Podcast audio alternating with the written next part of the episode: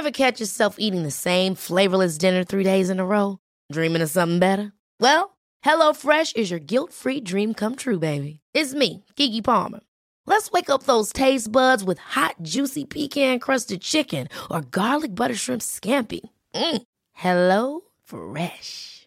Stop dreaming of all the delicious possibilities and dig in at HelloFresh.com. Let's get this dinner party started.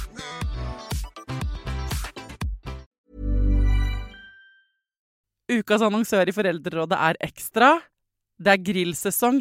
Endelig. Alle dere som har fulgt meg gjennom en lang vinter, vet at jeg har nesten strøket med av kjedsomhet.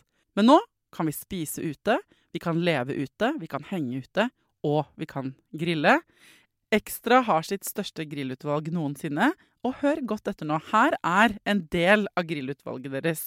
Habanero-pølser, salsiccia-pølser, black aged pepper-pølser, cheesy bacon-pølser, beefy burger, cheesy burger, skinny burger, big beefy gourmet-burger, fiskeburger med hvitløk, fiskeburger med bacon, rødbet og søtpotetburger, soppburger, barbecue, grillfilet, svinenakke med oregano og tomat, urtemarinert fårefilet, brisket, eller brisket som det egentlig heter, T-bone steak, flank steak, tomahawk, laksefilet med pesto, laksefilet med sitron, scampi med hvitløk og urter, crispy fiskeburger med ost, kyllingfilet med sitron og urter, kylling overlår, gyros, kyllingspyd, smoke barbecue, lårfilet av kylling og entrecôte.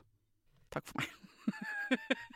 Dette er bare noen av produktene i Ekstra sitt største grillutvalg noensinne, og kommer bl.a. fra Norges mest prisvinnende grillserie, Grill Perfekt.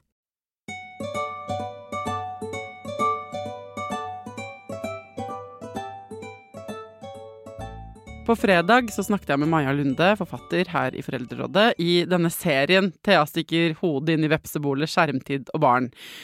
Og det er så mange spørsmål jeg fortsatt har ubesvart. ikke sant? Hva vet vi egentlig om skjermbruken norske barn har på skolen? Hva vet vi om hvordan skolen faktisk bruker de iPadene? Eh, har vi forska frem noen liksom, Fins det noen studier på hva som er bra, og hva som ikke er bra bruk av skjerm? Eh, for det som mangler for meg, litt i denne diskusjonen, er eh, fakta. Altså forskningsmessige fakta. Jeg skal prøve å komme nærmere noen av de svarene i dagens episode av Foreldrerådet.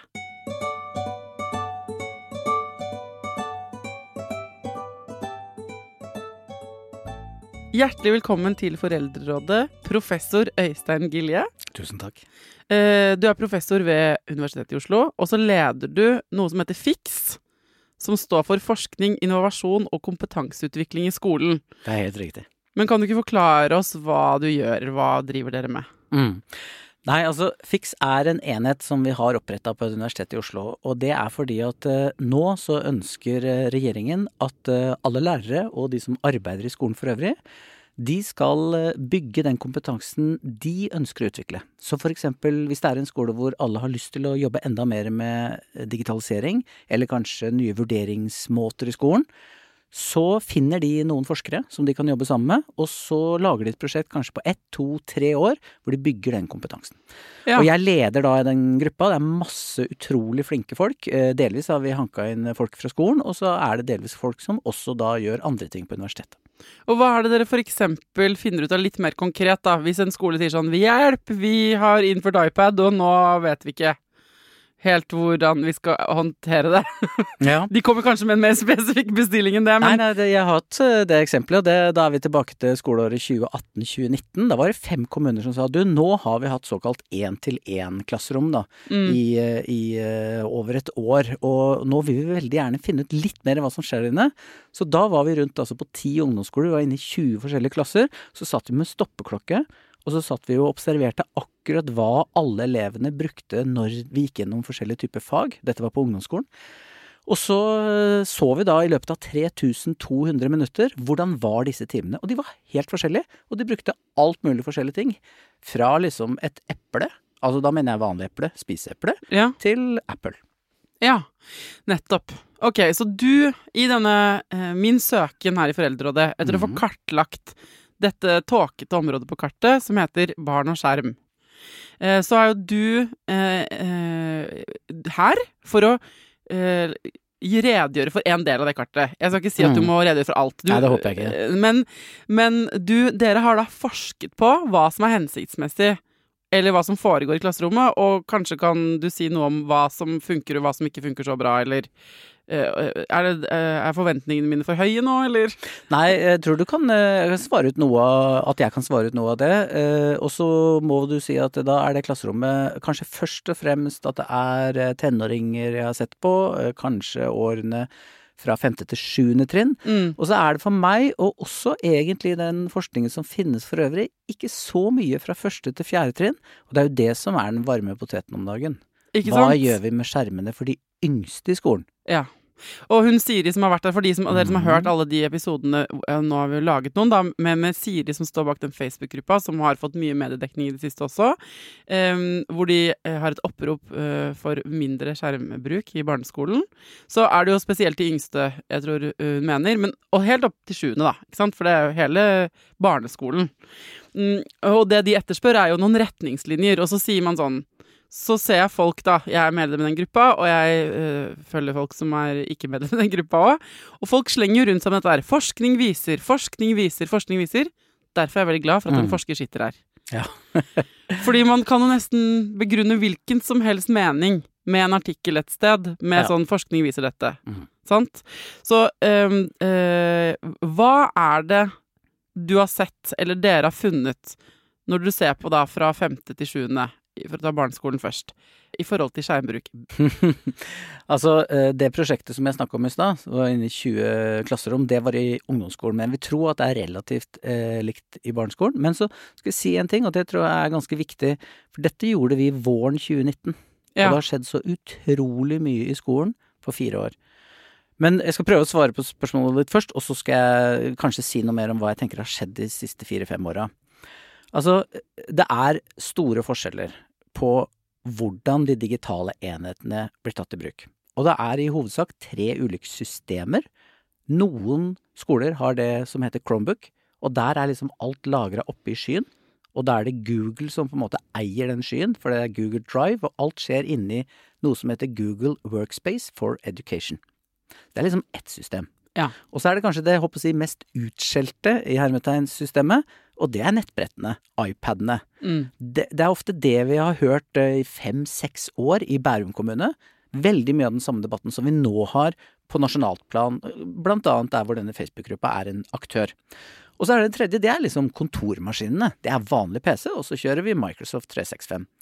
Alle de tre systemene de gjør det mulig for elever å gjøre mange ting du ikke kan gjøre med papir og blyant. Ja. Men det mulighetsrommet er enormt stort, og kompetansen mellom lærere til å utnytte det mulighetsrommet, og ikke minst til å strukturere det. Sånn som Henrik som var her, sant? han hadde en aha-opplevelse. At han bare hadde vært utrolig fascinert av teknologien. Og så plutselig så sto han der, og så skjønte han jo at nå er jeg bare opptatt av teknologien, ikke Ja, for- av elevenes læring. Og det, det rommet, eller det spennet, finner du nok fremdeles i skolen. Eh, I tillegg så har du en gruppe lærere, og jeg tror ikke den type lærer har kanskje vært hos deg, men det er lærere som fremdeles vegrer seg egentlig for å gå inn i det, og da dreier det seg egentlig om tid. Ja, og det, øh, han du henviser til, da, Henrik, Mm. er jo en lærer som var her for eh, noen uker siden i en episode om eh, skjermbruk, og han forteller, for det av dere som ikke husker det, eller som eh, ikke har hørt den episoden, at han fikk en aha-opplevelse, selv om han, han elsker teknologi. Så sto han i klassen, hadde holdt på masse med å finne en app som skulle vise dem hvordan en sarkofag så ut, og så hadde han en sånt en sånn åpenbaringsøyeblikk hvor han bare eh, Alle fikk installert denne appen, de fikk liksom åpnet opp en sånn 3D-sarkofag foran seg i klasserommet, og så sa eleven sånn Og hva nå? Og så hadde han ikke tenkt på noe hva de skulle gjøre etterpå. Og da slo det han at sånn, teknologien kan være kul, men vi må jo vite hva jeg skal Ja. bruke den til. Ja. Og hele det viser seg jo For når du sier egentlig det samme, det er kjempestor eh, diversitet, liksom. Det er eh, store forskjeller mellom lærere. Noen er gode og elsker teknologi. Noen er, elsker bare teknologi, er ikke så gode. Noen hater teknologi, men er kjempekeen på å lære noe.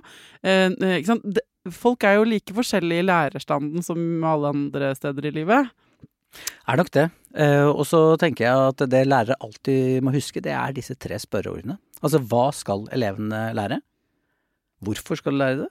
Og hvordan? Ja. Og hvis man bruker de spørsmålene også når man har muligheten til å bruke teknologi, så kan det jo tenkes at man kommer fram til et svar hvor man sier mm, nå passer det ikke så veldig godt å slå på den skjermen, for nå skal vi faktisk gjøre noe ganske annet. Men, men dette med femte til sjuende trinn, sant, det, det er forberedelsesårene til ungdomsskolen. Og jeg tror ikke så veldig mange er uenige om liksom ungdomsskoleelever bør kunne bruke Word, fordi at da kan du jobbe med f.eks. prosessorientert skriving. Så du kan skrive et utkast, og så kan du redigere et nytt utkast. Og det er annerledes når du sitter med et sånt eh, program, enn hvis du sitter med blyant og papir. Men det man på en måte må tenke gjennom, og det vi har sett også i gode på en måte klasser, det er at man jobber systematisk med hvordan man lærer å bruke de viktigste programmene i datamaskinen, slik at det blir programmer for læring på ungdomsskolen, at du ikke da må drive på å lære de ulike appene. Men bare der så ligger det liksom enormt med muligheter i programmene, og de mulighetene blir enda bedre, og de har bygd inn kunstig intelligens, sant? de gir deg tilbakemeldinger på ord, de kan begynne nå å foreslå nye setninger for deg. Hvordan tenker du om skal det være på, eller skal det være avslått? Altså det er enormt ved valg. Ja. Og da står vi liksom med det store hodepinen egentlig for lærerstanden akkurat nå. På fire år så har de altså fått en ny læreplan, skolen har blitt digitalisert, og de har vært gjennom en pandemi. Mm. Og det tror jeg vi fremdeles lever med, og det tror jeg fremdeles skolen er prega av. Og da har jeg ikke begynt å snakke om de sosiale og emosjonelle sidene liksom ved skolehverdagen, som jeg hører fra masse lærere rundt omkring. Det er der på en måte fremdeles. Ja. Og hvordan man skal løse dette som styrende myndigheter, det, det skulle jeg veldig gjerne ha fått noen sterkere signaler på. Og Ja. anerkjenne det, ikke minst. Ok, for nå er det mange ting i miksen her, syns Ja. jeg. Nå er det både at det er sånn tre Dere observerte tre systemer på skolene. Altså både på eh, PC, iPad og Ja, det er i eh, hele Chromebook, landet. Ikke sant? I hele Alle landet. 356 kommuner har valgt ett av disse tre systemene. Ok, Så det er det ene. Eh, Først bare kjapt på det. Er det noe som eh, er bedre enn noe annet? Nei, eh, da pleier jeg å spørre lærerne, for jeg får det der spørsmålet, sant. Hva er best? Mm. iPad eller PC? Og da spør jeg lærerne, hvordan syns du at elevene dine kan vise hva de har lært på best mulig måte i det faget? Hvis de sier nei, du, det beste er jo at de skriver rett og slett ned hva de har lært, ok, ja, da bør du ha en enhet som funker bra med tastatur. For da er det verbalskriften som er liksom den måten. Hvis du har en lærer som sier du, jeg syns det er helt fantastisk at de lager utrolig fine bildefortellinger, og at de også kanskje lager små videosnutter. Vel, da er det kanskje iPaden, for iPaden sidestiller det å filme, ta bilder og skrive Mm. som noe som er like enkelt. Ja, Så du kaster ballen tilbake til de lærerne, Ja. og så må de tenke seg om For det om fins ikke et fasitsvar. Nei. Men det går på lærerens grunnholdning om hvordan elever best mulig kan vise sin kompetanse. Og da har vi jo 100 år med tradisjon om at det er gjennom verbalskriften at elevene både tenker hva de har lært, og viser hva de har lært. Hvilke programmer er det, når du sier 5. til 7. trinn er en forberedelse for ungdomsskolen, hvilke eh, programmer from the top of your mind er de vi må kunne? Du nevnte Word. Ja, det er jo kjempekjedelig svar. Det er Word, PowerPoint og Excel. Ja, Og da tenker du liksom ok, men de skal vel ikke bare begynne å jobbe i forsikringsselskap. Men poenget mitt er at det, det har vært ekstremt mye hype rundt digitalisering. Og litt sånn som det der eksempelet til Henrik, sant. Å finne den mest speisa appen for å klare å vise fram en sarkofag. Det er faktisk ikke der liksom gullet ligger. nei. Gullet ligger rett og slett i at vi er nødt til å lære elevene til å bruke helt vanlig kontorprogramvare Mm. til læring. Jeg vil legge den også i mail. Altså Office-pakka, på en måte. Altså det, eh, det å kunne skrive mail. eh, Det, eh, det foreslår jeg som Ja. en viktig ting. Ja, og, og det, du kan godt si at det kan man begynne med på femte til sjuende, men jeg ville kanskje tenkt at det kan du også gjøre seinere. Okay. Det viktigste er egentlig, og, og dette her Her tror jeg det er et stort mulighetsrom fremdeles. Altså det finnes så mange funksjoner i disse programmene, og fra høsten av så blir det antakeligvis enda mer, fordi at Microsoft driver på og bygger inn kunstig intelligens i programmene, slik at de kommer på en måte til å snakke med deg på et annet vis. Eh, og hva vi ender opp med da, sant, og hvordan vi bruker de mulighetene, det er jeg veldig spent på, rett og slett. Men hva med sånn Minecraft, da, som også er liksom hot Mhm. potato. Fordi at uh, lærere, som Henrik forklarte, bruker det til å til, uh, liksom utdanne og vise, lage prosjekter og bygge slott, eller ikke sant, se ting fra andre vinkler og alt det der, lære om form og alt mulig sånn. Mens noen foreldre sier sånn nei, vi tillater ikke Minecraft. Mm. Vi lar ikke barna våre spille det hjemme, vi vil ikke at de skal presenteres for det. Og som Siri sa, hvor eh, er konkurrentene til Minecraft? Hvorfor er det Minecraft som har vunnet anbud om norske skoler, liksom? Hva mener du om Minecraft? Nei, jeg har jo sett masse god forskning på, på å bruke Minecraft når det brukes av en lærer som bevisst vet hva de vil, og Mm. hvorfor, og hvordan de skal utføre det i Minecraft. Altså Der ligger det regneoppgaver, det ligger mulighet til å kommunisere med hverandre. og Poenget da er jo sånn at, at det der er jo bare et mulighetsrom for å øve noen ferdigheter hvis læreren bruker det til det. Så det der å liksom si at man gamifiserer skolen, eller at de bare sitter og spiller på skolen, altså det har jo ikke noe med spillkulturen slik som vi kjenner den utenfor skolen, men det er å bruke rett og slett funksjoner ved et spill på en riktig måte. Og så kan Ja. du godt si at jeg er ganske kritisk til sånn der få sånn pokaler for å ha svart så og så mange riktig, for at det fins en del ulike digitale læremidler som har en gamifiserende element i seg, sant? at du får et pling og, og alt mulig sånt. Det kan virke på kort sikt som en motivasjon, men det blir litt sånn som det var med de der gamle ukeplanene. Eh, elevene ble mest opptatt av å bare bli ferdig med ukeplanen. Ja. Skit i hva de lærte. Mm. Liksom, for de skulle bare sjekke av at de hadde gjort alt, og så kunne de gjøre noe som de syntes var gøy. Og hvis det bare liksom dreier seg om å regne gjennom masse oppgaver for å få mest mulig pokaler og minst mulig feil, men ikke egentlig har tenkt over hva du gjør, så har du skapt et design som egentlig ikke er bra. Men Minecraft er så åpent, så der må faktisk læreren tenke ganske mye gjennom hva de vil gjøre med det spillmiljøet for å jobbe med de kompetansemålene som de ønsker. Ok, så hvis vi skal lage et veldig enkelt og sikkert ikke veldig forskningsmessig trafikklyssystem på disse appene, så er grønn er Excel, PowerPoint og, og Word.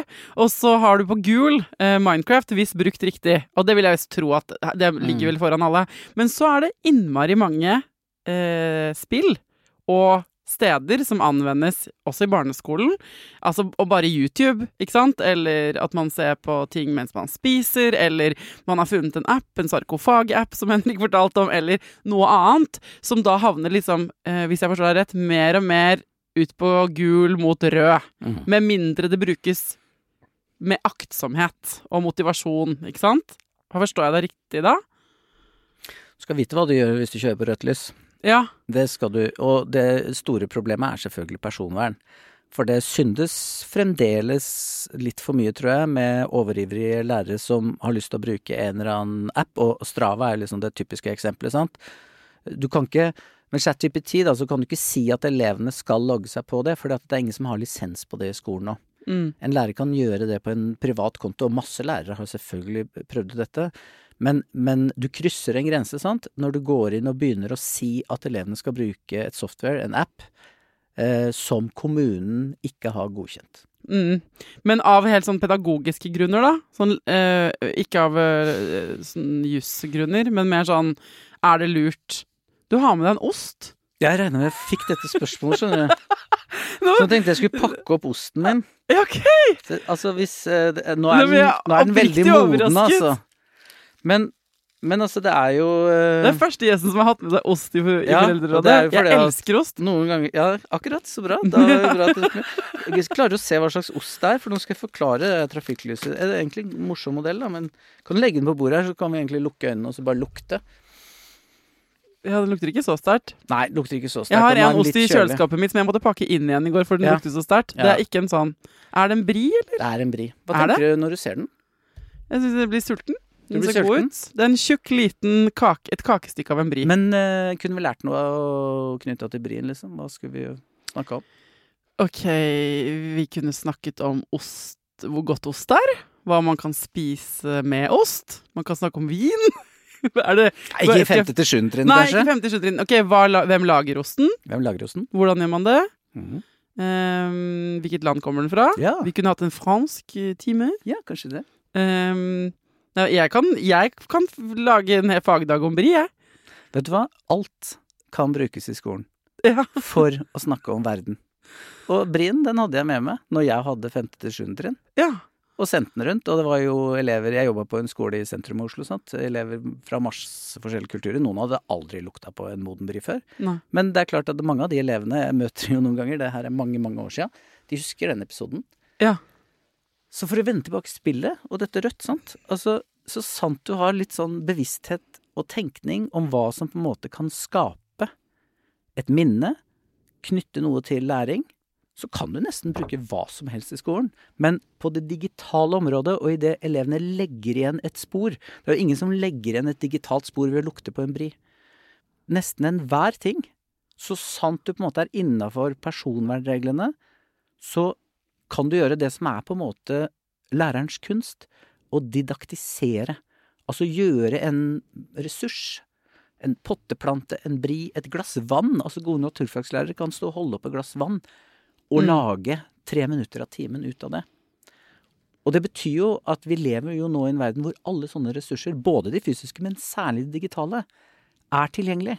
Mm. Og det er dette som er på en måte det enorme mulighetsrommet, og som er så nært kobla til det viktigste verbet, og det mest brukte verbet i alle kompetansemålene utforske. Ja. Vi skal utforske verden ved å bruke ressurser, ved å bruke spill, ved å bruke ulike digitale læremidler, ved å bruke masse fysiske gjenstander for å lære om verden. Og det er den store vendingen. Og de aller fleste foresatte i dag, de gikk aldri på en sånn skole som hadde de verbene i målene sine. Med utforskning. Mm. Men uh, vi har hatt en slagtid mot å heller velge en digital bri, da. enn en fysisk bri. Det er det jeg har følelsen av at disse litt skjermskeptiske Ja, eller, ja, ja. eller bekymra foreldrene jeg snakker med, Mm. er redde for at ja, men det er nettopp det. Vi elsker at han har med seg en faktisk bri de kan lukte Mm. på. Men det ungene våre gjør, er å sitte og se på briproduksjon på iPaden på YouTube. Mm. Har lærerstanden og samfunnet fått en hang mot det, alt som er digitalt blinker, på en måte? Mm. La oss si at et barn på øh, sju år har seks timer skjermtid i løpet av en dag. Det Mm. høres helt vilt ut, Ja, men det det er antageligvis ikke så veldig usannsynlig hvis du tar med TV og streaming og alt. De tre timene på skolen, da har vi jo en forventning om at det skal skje noe læring på den skjermen. Eh, I noe av de utspillene jeg hører, så er det akkurat som om de bare er på skjerm. Mm. Altså at det ikke skjer noe læring. Så kan man da lure på hva gjør de i de tre timene hjemme. Så hvis man syns seks timer er for mye, så må man kanskje begynne med de tre timene hjemme og tenke hva skal eh, eller hva skal da eh, barnet gjøre? Ja. Fordi at hvis du da vil ha en skole eh, med mindre skjermbruk Nå vet jeg ikke akkurat liksom hvordan de kvantifiserer det, men jeg har jo hørt det der 'la oss få datarommet tilbake', la oss få det sånn at de tar fram skjermene en gang iblant. Og da tror jeg en del av de foresatte som sier det, ikke egentlig har vært i et klasserom hvor sånne ting skjer. For bare så skal ta et eksempel. Jeg, vi var ute for nesten ti år siden. Da hadde iPadene ganske nylig kommet, så det var ganske populært med iPader. Det var klassesett. Ok, du skal gjøre et opplegg som går over tre timer i engelsk. Du skal lære masse forskjellige ord. Du skal bruke iPadene til å skrive. Du skal både lytte ut, og du bruker funksjonene som ligger i iPaden.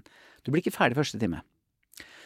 Da må du, når du ikke har én-til-én, altså én elev per device, så må du finne ut hvilken iPad de hadde lagra sitt ting, og dele ut riktig til neste.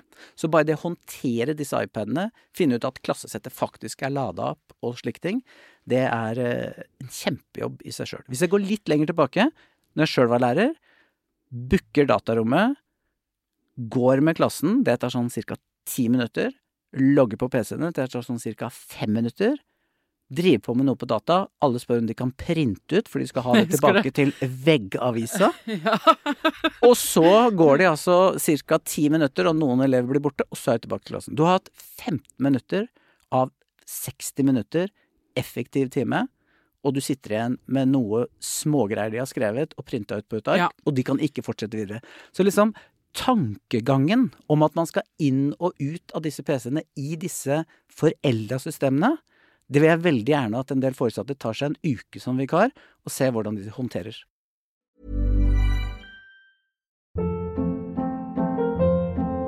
Hold up. What was that? Boring. No flavor. That was as bad as those leftovers you ate all week. Kiki Palmer here, and it's time to say hello to something fresh and guilt-free. Hello Fresh. Jazz up dinner with pecan-crusted chicken or garlic butter shrimp scampi. Now that's music to my mouth. Hello Fresh. Let's get this dinner party started. Discover all the delicious possibilities at hellofresh.com.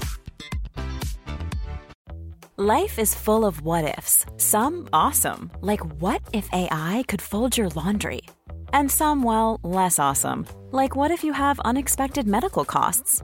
United Healthcare can help get you covered with Health Protector Guard fixed indemnity insurance plans. They supplement your primary plan to help you manage out of pocket costs. No deductibles, no enrollment periods, and especially no more what ifs. Visit uh1.com to find the Health Protector Guard plan for you. There's never been a faster or easier way to start your weight loss journey than with PlushCare.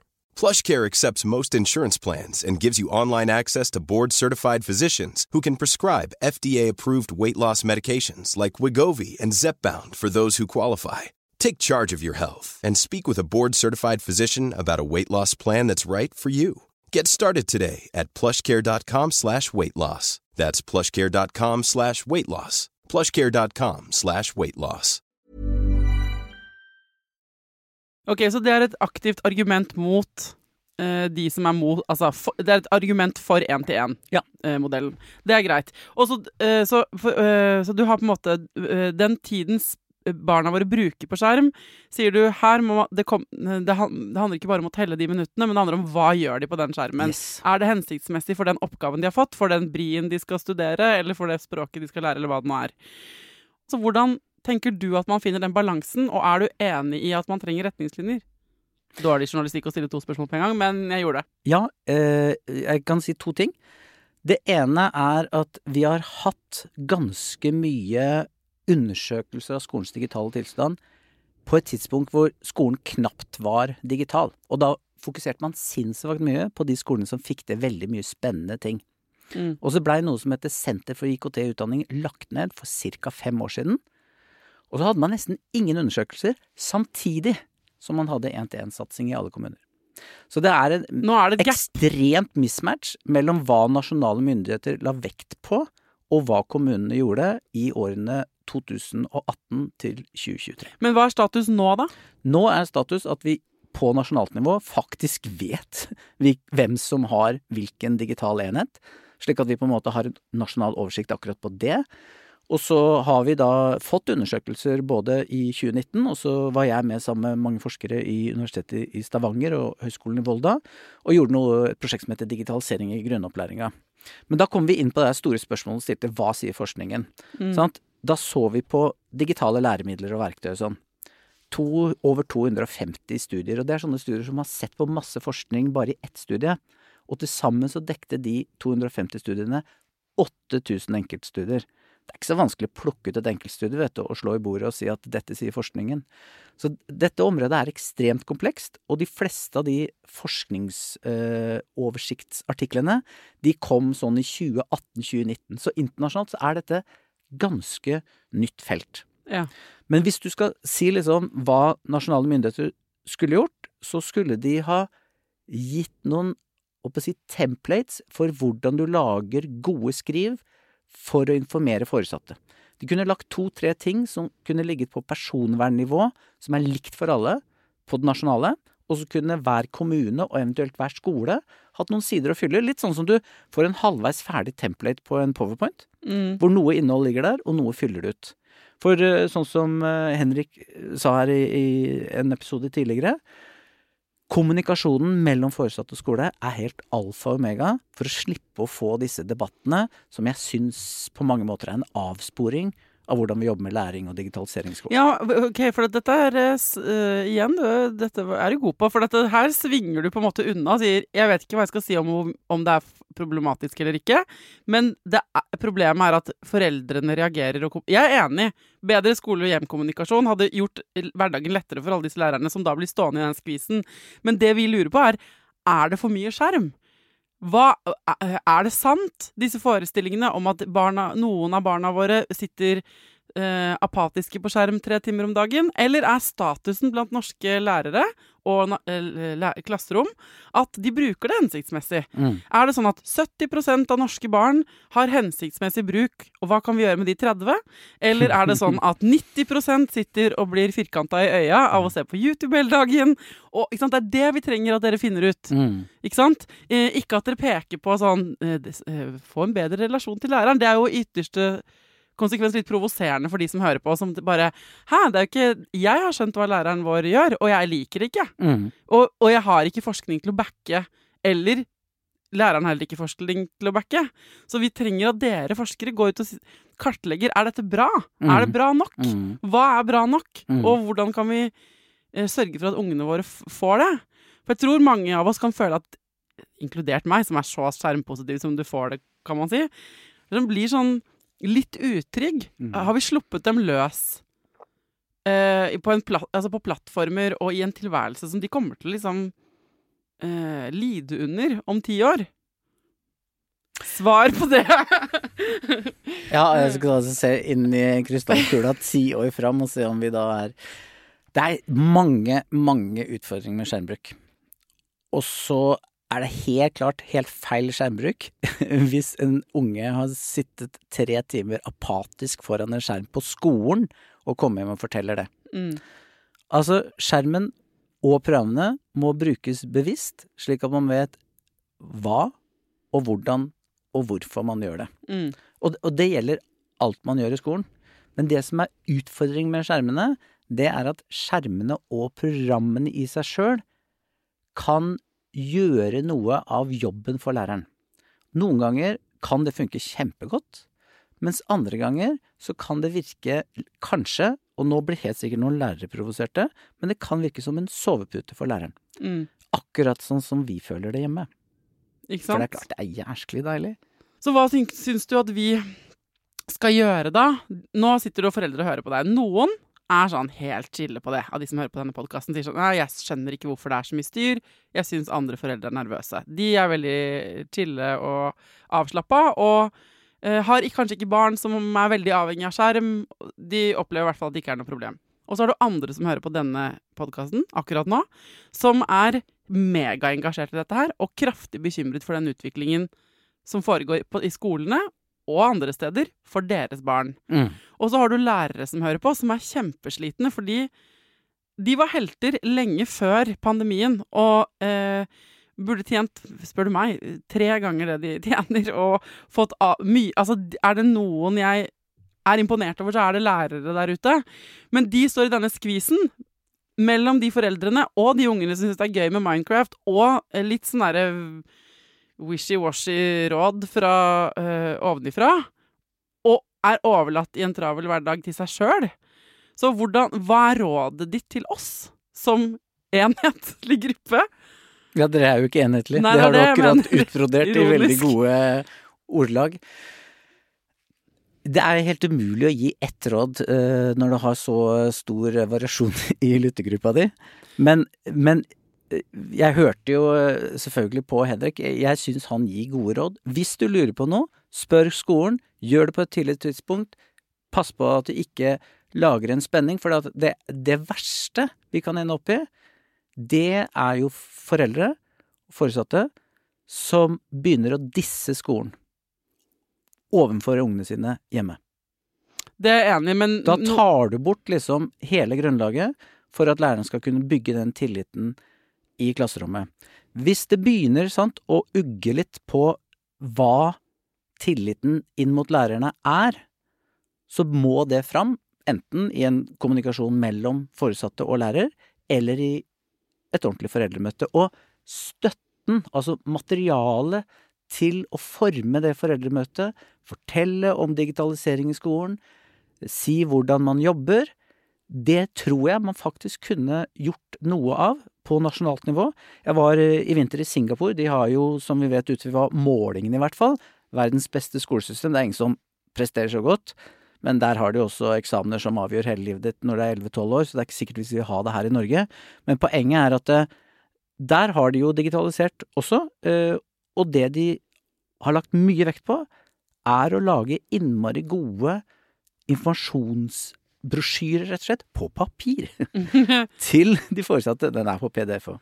Men altså, poenget er sant, at de, de visste at når man har et så konkurranseprega system, med foresatte som er så opptatt av at ungen skal gjøre det utrolig godt, så må vi fortelle hva vi gjør Mm. når vi skal gjøre en så grunnleggende endring som å digitalisere. Og det har nasjonale myndigheter aldri tatt seg bryet med her i Norge.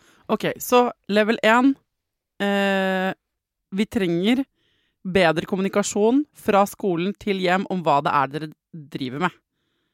Ja. Ikke sant? Og så er det eh, eh, punkt eh, to. Hvis du går og er urolig inni deg, eh, kjære forelder, snakk med skolen din, eh, bank forsiktig på døra, og snakk med innestemme, ikke med dømmende pekefinger. Mm. Ta gjerne med en bri til Ta gjerne med en bri. Og så er det til eh, Men så sier du det verste er at eh, det blir dårlig skole-hjem-samarbeid. Det verste er jo for de foreldrene som også hører på, som er skeptiske, at barna deres blir skjermavhengige og ikke lærer noe på skolen. Og, ikke sant? Det er jo det, det de er redd for. Og Men hva er skjermavhengighet på skolen? Nei, jeg vet ikke. Men de er jo redde for at det skal bli for lite eh, læring Det er for lite lesing på papir, og det er helt greit. Det skal være begge deler, og det er Vi skal lære å skrive for hånd, og vi skal lære å skrive på tastatur. Og det er klart, da er vi inne i en sånn svær tastaturdebatt og iPad og sånne ting, og det, det tror jeg ikke vi åpner hele rommet for nå. Kort fortalt så sier Jeg har prata med 230 elever i forskjellige intervjuer, og de deler seg egentlig i to grupper. Noen liker tastatur, og noen liker å skrive på iPad. Mm. Sånn er det. Og hva er best? Eh, spør de, Ja, okay. og da får du begge svara. Og det, men det er ikke noe fra et sånt fag, faglig sett? Noe som er bedre Nei, enn altså, annet? jeg vil jo si, eh, hvis vi vender tilbake til det spørsmålet, da, at hvis vi mener at verbaltekst og det å skrive setninger er den beste måten du både kan tenke, fordi at du får forma tankene dine som skrift, og du kan også bli vurdert når du har skrevet ned hva du har tenkt, altså hva du har lært, så er det klart det er fordel å ha et tastatur. Mener jeg, da. Mm. Men jeg er jo kjempegammal. Når du er elleve, og du ser hvordan de skriver på glassplata, så tenker du det der er bra, bortsett fra én ting. Du kjenner ikke hvor fingrene ligger på en glassplate. Det gjør du på et tastatur. Så jeg, men dette er sånn kjedelige ting, sant. Nå har jeg drevet på og eh, fronta Excel, Word og PowerPoint. og nå skal jeg til og med fronte at folk bør egentlig, mellom femte og sjuende trinn, lære touch. Ja, det er jeg enig i. Og det her er jo grunnleggende ting som jeg tror de fleste av oss altså, Dette må man kunne. Du kan ikke komme opp i arbeidslivet eller ut i verden uten å vite hvordan du håndterer tastatur eller eh, sant? Det er ting som jeg og du lærte. Er, eh, men så har du eh, hva, hva skal vi eh, Vi ber om retningslinjer i forhold til skole-hjem-kommunikasjon, men tenker du at det også burde komme retningslinjer på hva regler da, for lærerne på hva som er hensiktsmessig og god bruk av digitale medier, eller plattformer, eller verktøy? Eller Jeg hadde ikke tatt med meg oppdrag å lage den veiledningen, for å si det sånn. Nei, altså, jeg mener at uh, lærere skal ha metodefrihet for å velge hvordan de vil legge opp et uh, opplegg. Altså, det er ganske tydelig hva man skal lære i skolen, eller det vil si hvilke kompetanser elevene skal sitte igjen med, Mm. og det er ganske tydelig hvorfor. Men hvordan-spørsmålet, det mener jeg skal være læreren, men da må vi også da se på mulighetsrommet. For det er klart at hvis du bare får utdelt iPad til alle elevene, bare har iPad sjøl, eh, så havner du enten ved kopimaskinen, eller så må du da knote mye innpå der. Så vi må ha en, en skikkelig diskusjon eh, om hvordan blandingsforholdet skal være mellom papirbøker og skjerm.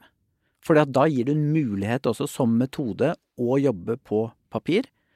Og så må vi tenke hva skal gjelde på ulike trinn? Hva skal gjelde i ulike fag? Det er veldig forskjell på samfunnsfag og engelsk og matematikk. Matematikk vet vi fra forskningen er et papirfag, og kommer til å være et papirfag. Samme hvor mye kule digitale løsninger. Sier ikke at du ikke skal bruke digitale matematikk, men det er bare det at det er noe med matematikk som gjør at du er nødt øh, til å bruke blyant og papir i mange, mange trinn oppover. Nesten til du nærmer deg øh, universitetet. Men det siste er sant, lærerens holdning. For hvis du har en lærer som syns det er helt fantastisk, og også håndterer ulike digitale løsninger for sine elever, og lærer elevene gode lesestrategier på skjerm, så har du antakeligvis en unge i en klasse som har helt fantastisk undervisning. Og det vi ikke har snakka om i det hele tatt, sant, er at denne læreren kan variere, differensiere og tilrettelegge undervisning for et mye større spekter av elever enn hvis de skal sitte med blyant og papir og lærebøker i hvert enkelt fag. Det som er så irriterende for meg, da, er at når jeg sitter her og prøver For hvert steg jeg tar ut i dette området her, for å bli klokere og få liksom mer Altså helle mot det ene eller det andre, så jeg føler ikke at jeg kommer av flekken, på en måte. Fordi på samme måte som at eh, det brer seg ut, da. Å ja, det kan være kjempeskummelt, og spesielt i forhold til dette med personvern og eh, Ikke sant. Det kan være eh, det, er masse, det er masse farer i dette landskapet. Og så er det også masse dritbra. Så eh, gråsonen bare utvider seg like mye på hver side, fordi jeg blir både skremt og betrygget samtidig. Og så kommer jeg tilbake til liksom det der med at det er så avhengig av den lærerens evner eh, og handlingsrom og eh, eh kapasitet, da. Eh, og det er det jo selvfølgelig på alt mulig annet om det er digitalt eller ikke digitalt. Det er, det, men det blir så veldig avhengig av den, det individet barnet ditt møter. Det, sånt, det kanskje det lærerfellesskapet den læreren har. Skolens holdning skolens forutsetninger for å ha iPader som er ladet opp, og noen som er flinke på å passe på at nettverket funker. Det, det, er så mange variabler inni der som vi ikke har helt kontroll over. Der hvor vi har mye mer kontroll over lærebøker på papir og penn og blyant. Selv om det, ja, det tar tid og eh, Altså kjenner vi det, for det at vi lærte jo sjøl. Ja, det er det. Jeg tenker at noe av løsningen på det her, og nå vender jeg tilbake til liksom den rollen jeg har i dette uh, fiks, for da jobber vi jo med kommuner. Og det jeg har lært på de fem åra vi driver på der, er at det er enormt mange flinke lærere der ute. Men de må ses, og så må det frigjøres ressurser. For du kan ikke regne med at de skal på dugnad drive på å lære opp kollegaene sine. Men hvis du organiserer det Vi gjorde f.eks. masse workshoper i, i, Larvik over hele fjor vår. Heter Larvik-modellen, hvis noen har lyst til å google det. Og da så vi liksom hvordan en gruppe på rundt 30 lærere systematisk kunne lære opp 500 lærere i den kommunen over et par sesjoner på våren og et mellomarbeid. Og da så vi på spørreundersøkelsene etterpå at disse her syns at de hadde fått mer digital kompetanse.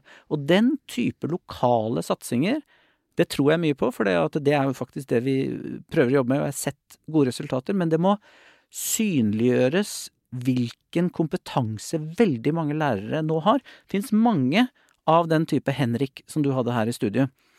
Og de må settes inn i et system, og de må betales for å kunne hjelpe kollegaene sine, mm. slik at vi får mindre usikkerhet blant foresatte om at de har fått en lærer som faktisk håndterer den digitale skolen som ungene deres skal gå i. Ok, nå skal jeg prøve å oppsummere. Du har utvidet feltet til å si sånn Det er kjempebra med digitalisering. Vi har fått så mange flere ressurser inn å kunne bruke. ikke sant? Vi har fått en hel verden med muligheter for å eh, undervise og vise ungene våre hva som finnes der ute. I tillegg så er det kjempeviktig at i hvert fall eh, store små barn, altså eh, femte til 7. klasse, de skal inn på ungdomsskolen. De må lære seg Word og Excel, og de må lære seg PowerPoint. Og kanskje ikke sant, det å være god på å google, kildekritikk og, som vi ikke har nevnt, da, men eh, filmredigering og en del sånn sosial, altså, ting som er eh, kult og gøy og viktig. Samtidig så eh, er det viktig å passe på at lærerne har det de trenger for å kunne ta de vurderingene eh, som de trenger å ta for å lage den hensiktsmessige undervisningen. Og vi kan ikke glemme bøker på papir og skrive på papir. F.eks. ikke i matte, men? Minecraft kan være en god ting i kombinasjon med andre. Så det er et sånt gråsonesvar. Så jeg hadde ikke egentlig forventet at du skulle komme her og smelle noe i bordet, altså. Men jeg hadde litt håpet på det. Fordi mm. eh, da hadde vi fått sånn Hei, jeg har en forsker som sier dette, og så kunne man eh, ryddet opp i debatten en gang mm. for alle. Mm. Men uh, jeg skjønner nå hvorfor du sier at det vi trenger for å rydde opp i debatten, er egentlig debatten i seg selv. Er det litt sånn Ja, debatten i seg sjøl uh, ved at vi lytter. Og jeg, jeg, lytter. Jeg har jo både vært med i den Facebook-gruppa vi har snakka om innledningsvis, og, og, hatt kommunikasjon direkte med, med Siri. Og jeg syns det er viktig, og jeg tenker at det nasjonale på en måte oppropet mot uh, hva skjer egentlig, tenker jeg da. Jeg ja. reformulerer det. Hva skjer egentlig med skjermbruk i skolen? Mm. Det syns jeg er et mye bedre spørsmål enn liksom sånn proklamere mindre skjermbruk i skolen. Eh, for, for da må man liksom først spørre seg ok, men hva brukes disse skjermene til? Altså hvis du tar premisset om at du faktisk lærer noe på skjerm, så roper de egentlig 'mindre læring i skolen'. Ja, Men det, nå vet jeg de er, er helt din i det, og nå det, er, nå er ikke dette et debattprogram, men, men eh, nå er det også sagt. Men poenget er jo at hvis vi skal klare å gå inn i den framtida vi har, så regner vi med at ungene våre på et eller annet vis vil jobbe med på skjerm. Ofte hører vi liksom at man må lære seg å skrive og bruke Word og sånn. Nå har jeg ikke snakka om fotografering og, og videoredigering og sånn, men Nei, og vi har ikke treff, om sosiale treff noen håndverkere. De bruker iPad. Mm. Så hele denne debatten er liksom fra middelklassens jobber ved et kontor på et tastatur, mens altså veldig mange av de som går i barne- og ungdomsskolen, de skal inn i håndverkeryrker, hvor mobiltelefonen og iPaden med sine video- og fotofunksjoner er selve grunnlaget for ja, å men det er ingen som er helt alt. mot. Det er det at vi prøver å finne den, Gå opp en grensevei. Ja. Ikke sant? Vi prøver å gå opp en grensevei fordi det de ser, og det jeg ser i den gruppa, er at det, brukes, det blir mindre natursti å ut og finne insekter, eller kikke i forstørrelsesglass, eller eh, gjøre eksperimenter med vann, og så blir mer av det flytta over på iPaden, og det er det de er redd for, for det blir mindre av det håndverket, Ja. og så blir det mer av å late som man er håndverker i et spill på en iPad. Og det er der de er redde for at det er en slagside. Mm. Og så er det egentlig ingen som kan svare på om det er en slagside.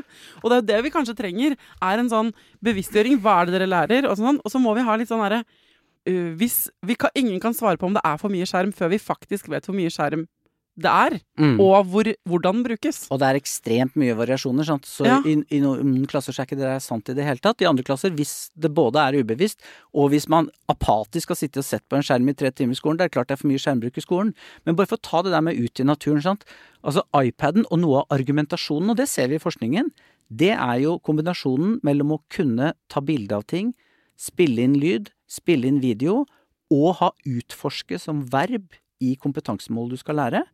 Altså, jeg har jobba med Bærum kommune nå i et stort prosjekt om nettopp iPad og vurdering, og elevteksten jeg ser, det er ut i naturen, gjøre forsøk, være på kjøkkenet hjemme og gjøre naturforsøk. Endelig på sjette forsøket få det til, sende den filmen til læreren, og se eleven gløde i øynene. Så fornøyd! Endelig fikk vi det vannglasset til å gjøre akkurat det som var leksa, og som jeg skulle forstå. Um, på en skala fra null til seks, altså en terningkast, Ja. hvor bekymret Seks er megabekymret. Ja. Én er null bekymret. Hvor bekymret Du har ikke lov til å si tre. Hvor bekymret er du for norske ungdommer og barns skjermbruk i skolen per i dag? To. Ok. Tusen takk for at du kom til Foreldrerådet. Takk for at du fikk komme.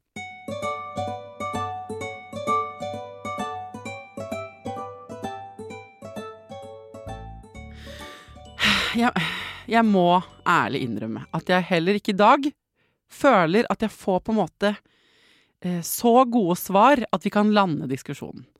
Det, det virker på meg, og det kan godt hende du er uenig, som at vi rett og slett mangler eh, liksom litt data, eh, kunnskap om akkurat hvordan vi bør organisere skjerm i skolen, men også sant, hva, eh, hva som er optimal bruk av eh, skjerm i undervisning.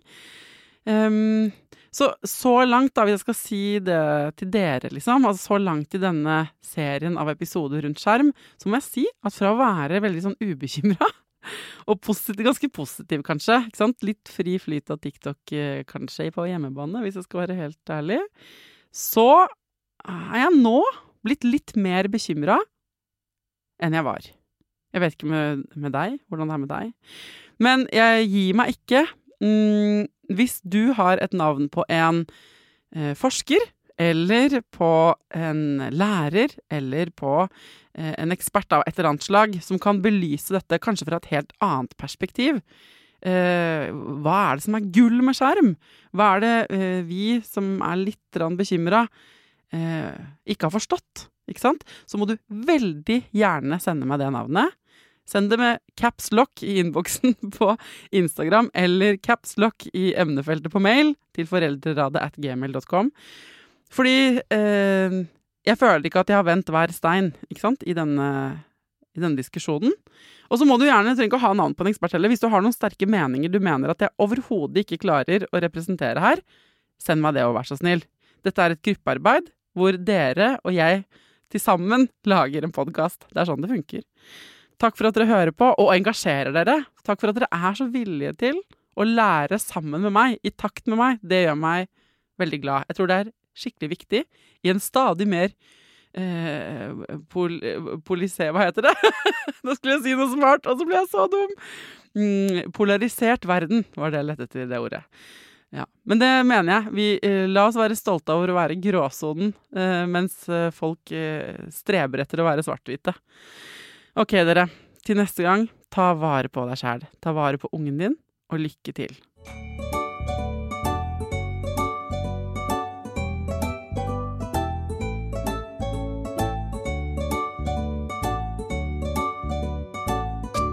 Produsert av Klinge.